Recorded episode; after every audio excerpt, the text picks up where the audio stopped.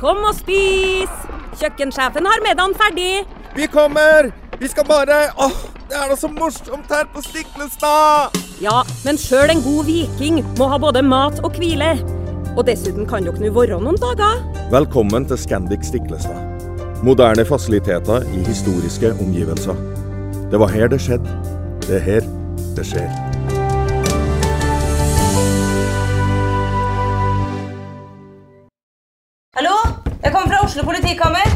Ine Jansen er purk. Er du purk? The motherfucking bitch. Alt jeg vil, er å finne ut hva som skjedde med mannen min. Jon Carew. Er jeg sikta for noe? Iben Akeli. Det er du. Ole So, Lars Berrum og Big Daddy Karsten. Hvem sin side er du på, egentlig? Anette Hoff, Tone Danielsen, Kommer du fra Afrika? Jørnis Josef, Nesten kløfta. Trond Espen Seim, Det er synd å si det, men det var feil mann som døde. Purk. Se nå på TV2 Play.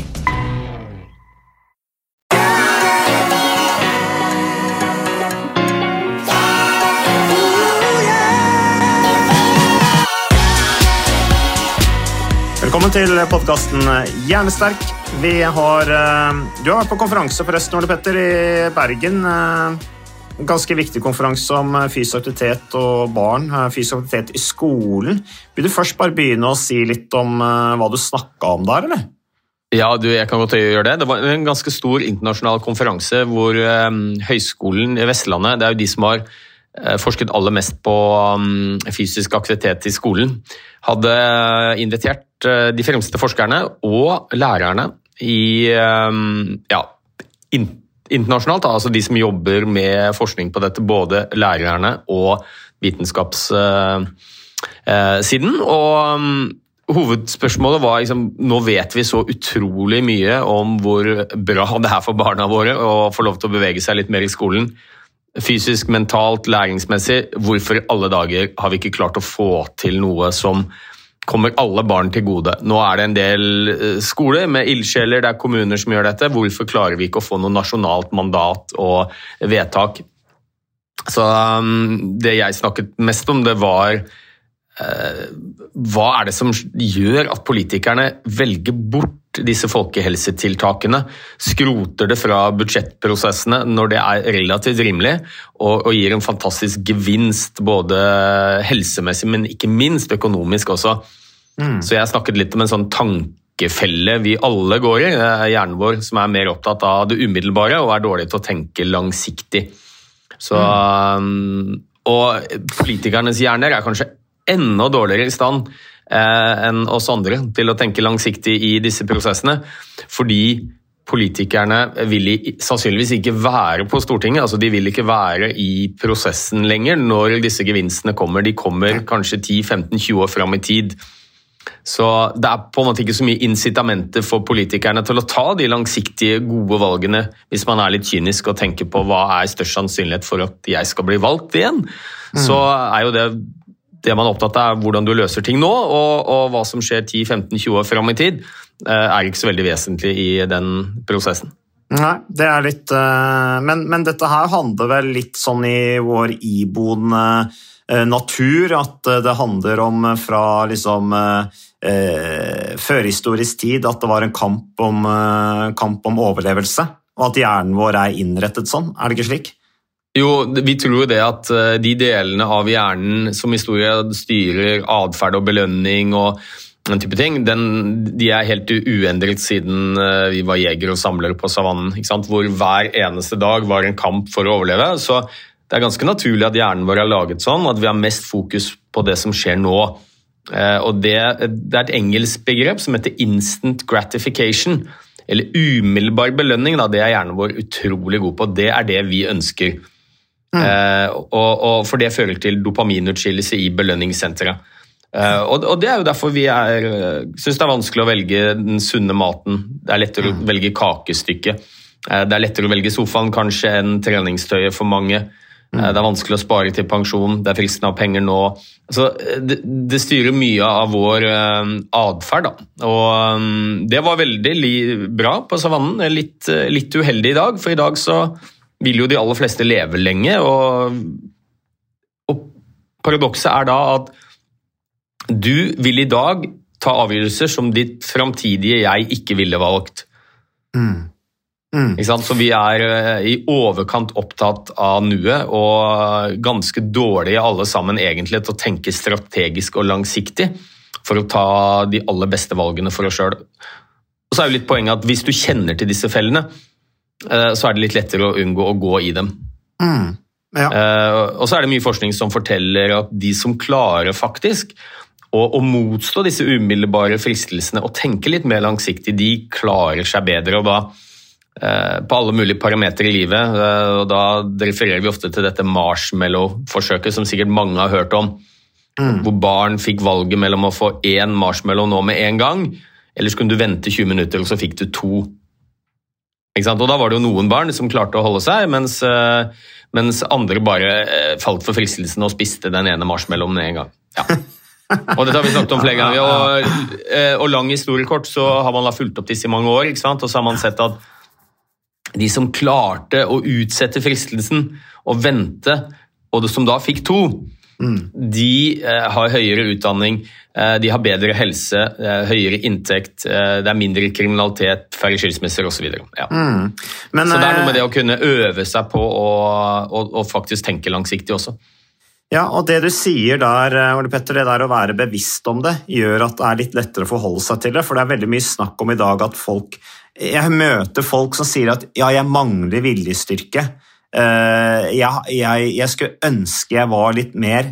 Men jeg sier jo da, mye basert på den tiden vi har jobbet sammen også, Ole Petter, at jeg har lært en del av deg. eh, At det, det, det er ikke noe galt med deg. Vi er sånn alle sammen. Men det hjelper å vite at sånn er vi fra naturens side, og derfor så er det naturlig at du eh, dreier mot de valgene.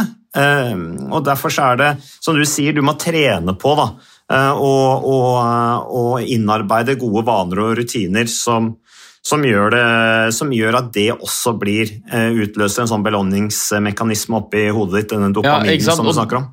Og det er jo hele poenget her, at vi alle sammen er laget sånn at fra naturens side så er det mer fristende å velge den umiddelbare belønningen. Det er mest fristende å velge sjokoladekaken. Det er jo ofte mest fristende å velge sofakroken. Um, å velge å ikke spare til pensjon og bruke penga nå. Det er helt naturlig. Og så er litt av hovedpoenget her at uh, hvis du klarer å lage en vane eh, At det å gå ut og bevege seg eller, eller å velge det sunne, sunnere alternativet i kantina, at det blir en vane, så slipper du hele problemstillingen. For da velger du automatisk det som er best for deg. Så det er når ting ikke er blitt en vane, så blir det en slags eh, boksekamp da, mellom den primitive delen av hjernen som er veldig impulsiv og vil ha en umiddelbar belønning i det ene hjørnet, og den rasjonelle, fornuftige delen av hjernen som skjønner at det beste valget er å ta på seg treningstøyet eller spise sunt. Det blir en boksekamp mellom de to. Um, og da er det usikkert hvem, hvem som vinner. Eh, Da krever det en del motivasjon eh, og viljestyrke for å overvinne disse primitive impulsene. Men hvis det er blitt en vane, så skjer det på autopilot. Da gjør du det uansett. Ja, ikke sant. Ikke sant.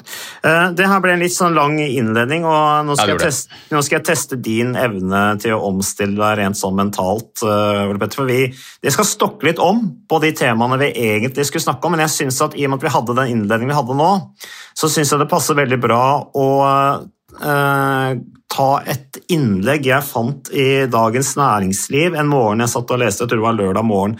Dette her er, en, eh, det er av Tobias Dahl, som er seniorforsker og Sintef Digital og gründer av teknologiselskapet Elliptic Labs. Han skriver altså i Dagens Næringsliv da en kommentar 12. november i år. eh, Så skriver han innledningen er, eh, eller overskriften er 'Hva putter de egentlig i dataspillene?' Og så er innledningen hans 'Spillindustrien, som vi overlater barna våre til, putter ting i spillene som gjør motstand nytteløst, på bekostning av samvær, søvn og annen aktivitet. Uten regulering og gode alternativer vinner kyniske aktører da med henvisning da til spillbransjen. Og så viser han da til en Telia-reklame jeg tror eh, jeg i hvert fall har sett, og som jeg tror du også har sett, eh, Ole Petter, og helt sikkert mange av lytterne våre, hvor det er denne pappaen som kommer løpende inn på fotballbanen og avbryter sønnens kamp fordi, må, fordi sønnen må hjem til middag. Og så er da det, hvor det da står denne reklamen, så står det dere hadde ikke gjort det her med fotball, så ikke gjør det med gaming heller, lyder reklamen da. Um, har du sett reklamen forresten, Ole Petter? Ja, jeg, jeg har det. Ja, og så skriver han da videre eh, den digitale verden er kommet for å bli, og barns interesse må ta vare på det. er vi enige, det har vi snakket litt om i podkasten også. Men også foreldre trenger empati, og da viser han da til at de skal ta vare på barns interesse eh, i forhold til å ta vare på fellesskap. Eh, de, foreldrene må ta ansvar for dette med samtalen, det fysiske samværet, og det er ingen liten oppgave. Og så er dette her en videre påstand da, fra Tobias Dahl er at det er en slagkraftig spillindustri eh, som skyr få midler for å holde barnas oppmerksomhet, gjerne på bekostning av samvær, søvn og andre interesser. Det puttes funksjoner inn i spillene som gjør motstand nytteløst. Ole Petter, du har jo skrevet eh, denne her eh, boka 'Det digitale dopet'. Eh, og Du har jo også sett over denne artikkelen. her. Hva er dine tanker rundt det Tobias Dahl skriver? Du, mine tanker umiddelbart er at jeg er, jeg er veldig enig med ham. Og jeg tror nok den Telia-reklamen er ganske effektiv. Jeg, jeg syns jo den er ganske kynisk. Mm reklamen. Og det, det, det, handler egentlig om litt, eh, litt, flere ting, og han er jo inne på en del av det her, men, men det er noe som er liksom grunnleggende forskjellig med det å, å være i aktivitet og eh, spille fotball, eh, og det å sitte og game. Uh, og, og, Det er mye positivt med gaming også, jeg skal ikke disse det. Men uh, det å være i bevegelse, lek med venner og sånn, altså det er barns jobb. Det. Det, er, det, er, det. er, det vi er kodet til å drive med. Ikke nødvendigvis fotball, men lek og bevegelse. Så, så det er helt naturlig for barn, og det tror jeg vi skal støtte opp uh, under.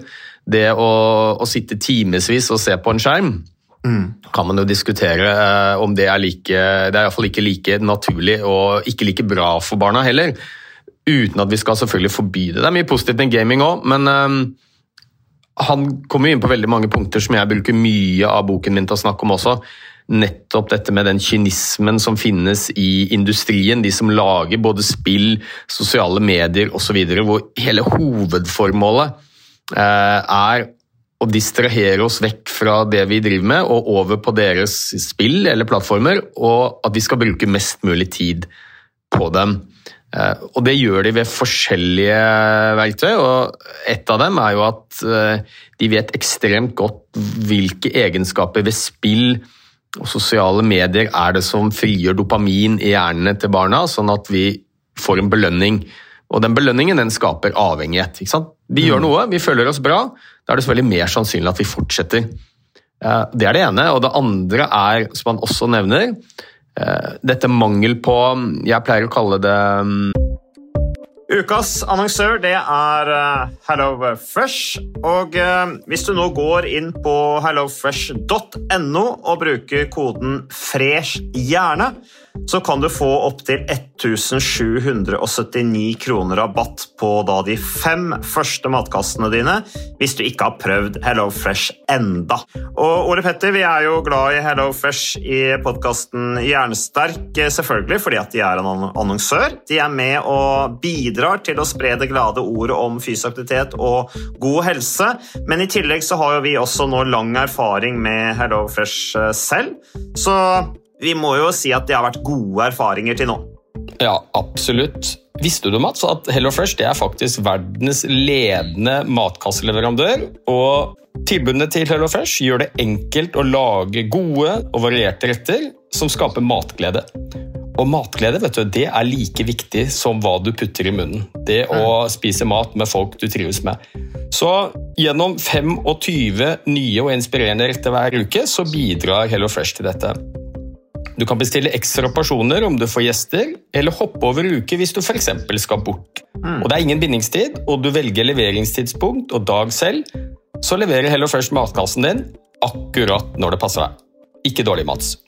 Nei, det er veldig bra. Så, eh, og dette er med enklere hverdag, det kan jeg nå skrive under på. For nå, forrige erfaring vi hadde forrige uke, Ole Petter, det synes jeg var Det var jo et gjennombrudd eh, for familien Kaggestad. For da lagde rett og slett barna de lagde middag og serverte middagen, så den var ferdig laget og servert da når eh, min kone Marita og meg kom hjem fra jobb. Og jeg mener Det var jo bare helt utrolig. Eh, Det var helt fantastisk. Det ble en nydelig middag. Riktignok de, de, de, de roter og søler litt, det gjør de. Så, men, men maten ble veldig god. De var veldig stolte over å kunne å ha både laget og servert maten, så det var helt fantastisk. Så vi har jo da i det siste så har vi eh, spist eh, bl.a. sitron- og dillstekt hyse med ovnsbakte grønnsaker og aioli. Eh, Vi har spist middelhavsinspirert kylling. Taco, så finnes det mange ulike typer taco. F.eks. vietnamesisk taco, som vi har spist. Thailandsk vegetargryte. Veldig riktig og sunt eh, i dagens eh, samfunn med, med fokus på bærekraft. Hvitløk og chilistekte reker i spagetti, det var definitivt en vinner. Så det er så flott. Du får rimelig mat ved at du kun betaler for det du trenger, så det blir ordentlig feststemning med Hello Fresh. Det gjør det, og nå er det bare for deg å gå inn på hellofresh.no og bruk koden FRESH hjerne'. Da får du opptil 1779 kroner rabatt på de første fem matkassene dine, hvis du ikke allerede har prøvd HelloFresh. Du kan også bruke rabattkoden hvis du har stoppet abonnementet ditt for tolv måneder siden eller mer. Er det noe å lure på? Håper maten smaker godt. Bon appétit! er stoppsignaler. Han kaller det noe litt annet, men poenget er da at i en fotballkamp så er det med venner så er det veldig enkelt å avbryte. Du sier vel, nå, nå, nå, nå er jeg ferdig, nå, nå må jeg hjem og, og, og spise. Um, Dagens teknologi med spill og sosiale medier har ingen stoppsignaler. Altså, du kan scrolle i evig tid, ta aldri slutt. Eh, spiller du spill, så um, kan du ikke pause det, for da må du begynne på nytt. Mm. Når du er inne på YouTube og er ferdig med en video, så begynner neste å spille automatisk. Det er alle disse egenskapene som bare gjør at barna blir i spillet eller i sosiale medier.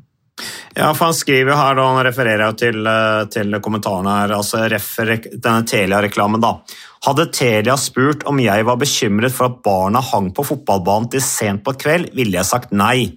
De blir slitne tidsnok, de er fysisk med venner, og de gjør noe de liker. Det kan man si at de gjør når de er gaming, og de er til en viss grad også sammen med venner når de sitter og spiller. Men han sammenligner, hvis du skal sammenligne da denne gaming dette gaming-eksempelet opp mot fotball. Da. At liksom du avbryter jo eh, ikke fotballen, så skal du avbryte gaming. Så skriver han da hva om banemesteren hadde strødd et tynt lag med kokain på kunstgresset for å gi barna et ekstra piff, slik at de kan holde på til midnatt? Det, det, det finnes ikke i fotballen. Ikke sant? Det er som du sier, eller som han skriver, og du også sier, de blir slitne, så du har en naturlig slutt.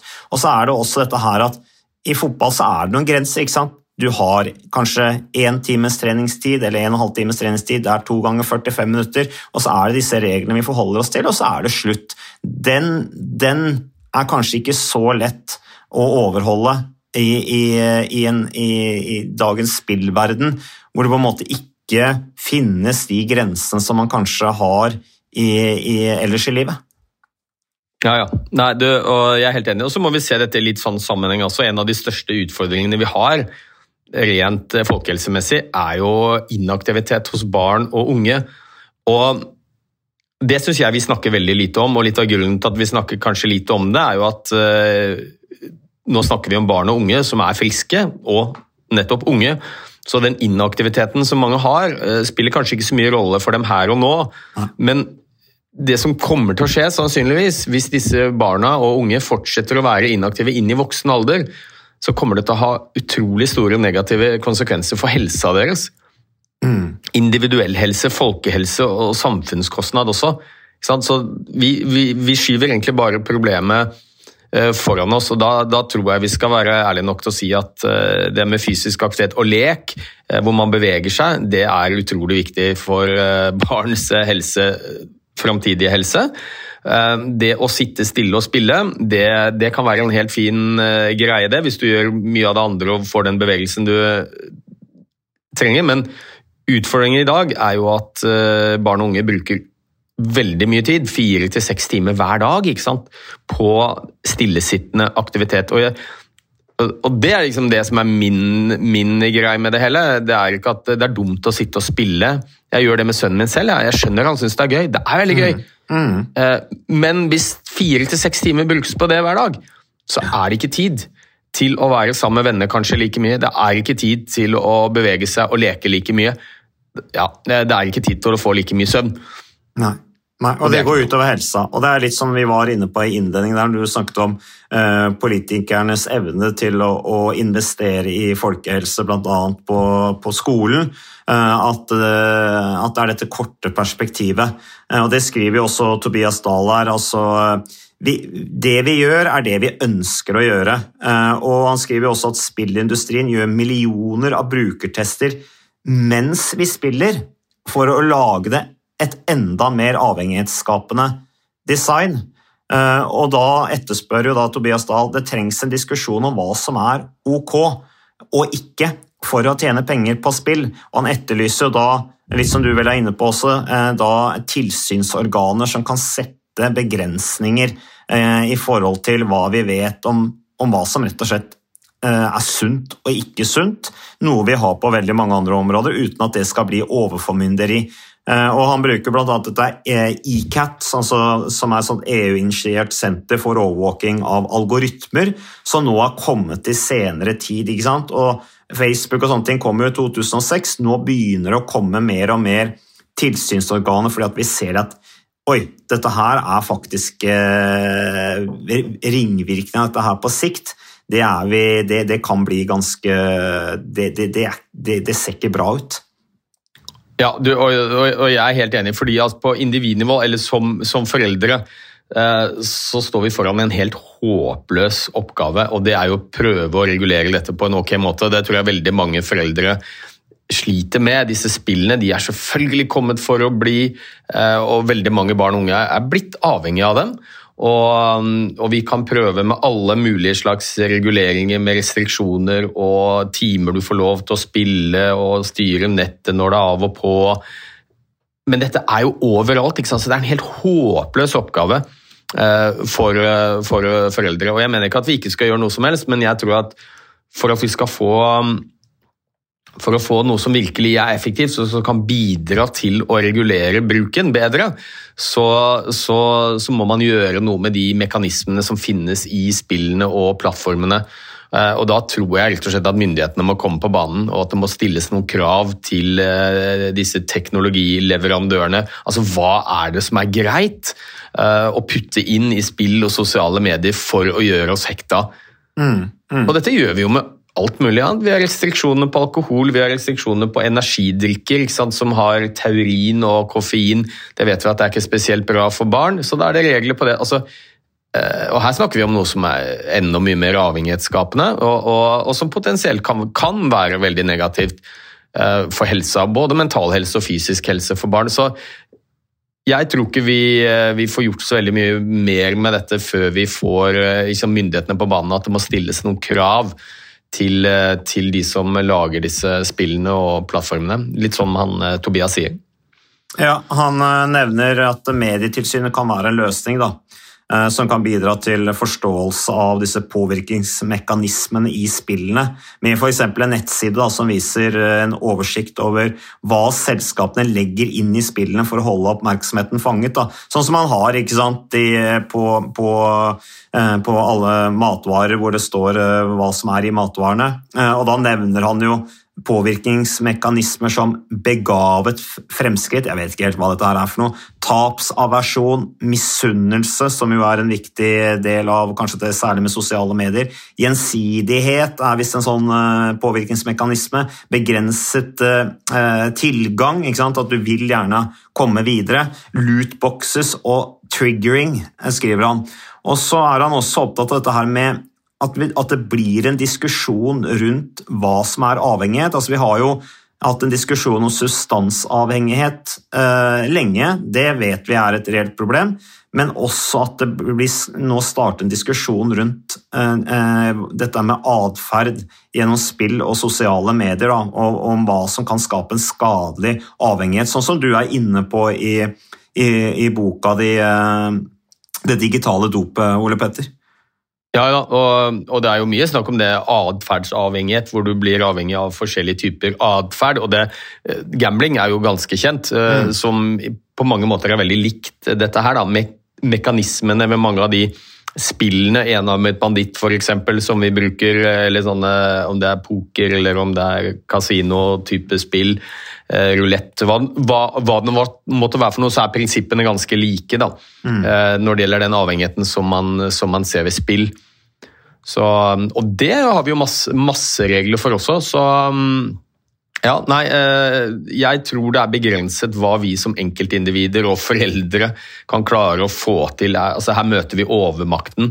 Mm. Så, um, så, her tror jeg vi er helt avhengig av å få myndighetene på banen. og Samtidig bare lyst til å gjenta det at jeg er ikke noe negativ til spill. Um, og mye av den gamingen er, er veldig fin også. Det må bare ikke bli for mye, og det er jo det som er litt av utfordringene. Jeg tror de aller fleste foreldre tenker at det er helt greit at uh, ungen min spiller kanskje en time eller to om dagen. Mm. Um, men hvis man ikke gjør noe, så kan det fort bli sånn at man kommer rett hjem fra skolen og bare sitter og spiller helt til man skal legge seg. Ja, og da får du ikke snakket med barna dine. Eh, barna får ikke øvd på samtale med foreldrene, og man er ganske avhengig av hverandre i en familie og snakke sammen, som jo er viktig. Og så er det jo en annen ting også, Ole Petter. Jeg tror dette her at vi er liksom opptatt av at barna skal ha det bra. Og hvis barna syns noe er gøy, så, så sitter det langt inne å ta fra dem den moroa. Eh, men når det da blir etter hvert at det fører til en atferd som jo på sikt er skadelig for barnet, så må man jo tenke barnets beste, og det er å sette noen grenser. rett og slett, Ellers så gjør du da barnet en bjørnetjeneste, som det heter. Så der må man være litt tøff, men jeg tror at, jeg tror at jeg skjønner du sier, Ole Petter, det, der, det, har du sagt flere ganger også, engasjere seg litt i det, eh, være litt positiv innstilt til det, eh, men samtidig sette litt grenser og, og snakke med barna Fortelle dem hvorfor du setter de grensene, og prøve å bevisstgjøre barna i forhold til det før det sklir ut. Og jeg vet, jeg har snakket med flere foreldre hvor det har sklidd ut, og det har skapt store utfordringer i familien. Så ta det der tidlig, er, er mitt tips, hvis, hvis, du har muligheten til det. Eller sett dere ned og ta en rolig samtale med barna og, og, og forklar dem litt om det. Bruk kanskje F.eks. Eh, artikler som står i avisa og sånne ting som grunnlag for å, å, å bevisstgjøre og, og, fremheve poengene dine. Det kan jo være noe. Så det. Nei, men bra, Er det noe du vil legge til der, eller? Nei, det, syns du har sagt det meste, Mats. Veldig bra.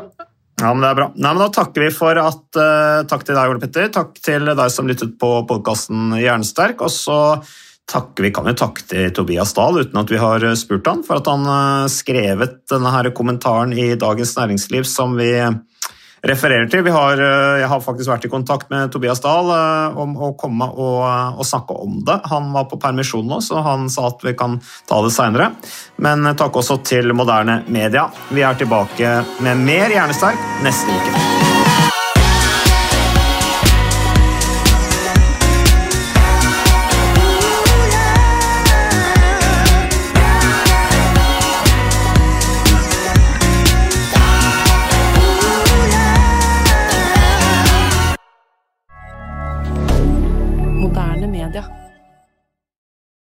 Har du et enkeltpersonforetak eller en liten bedrift? Da er du sikkert lei av å høre meg snakke om hvor enkelt det er med kvitteringer og bilag i fiken, så vi eh, gir oss her, vi. Fordi vi liker enkelt. Fiken superenkelt regnskap.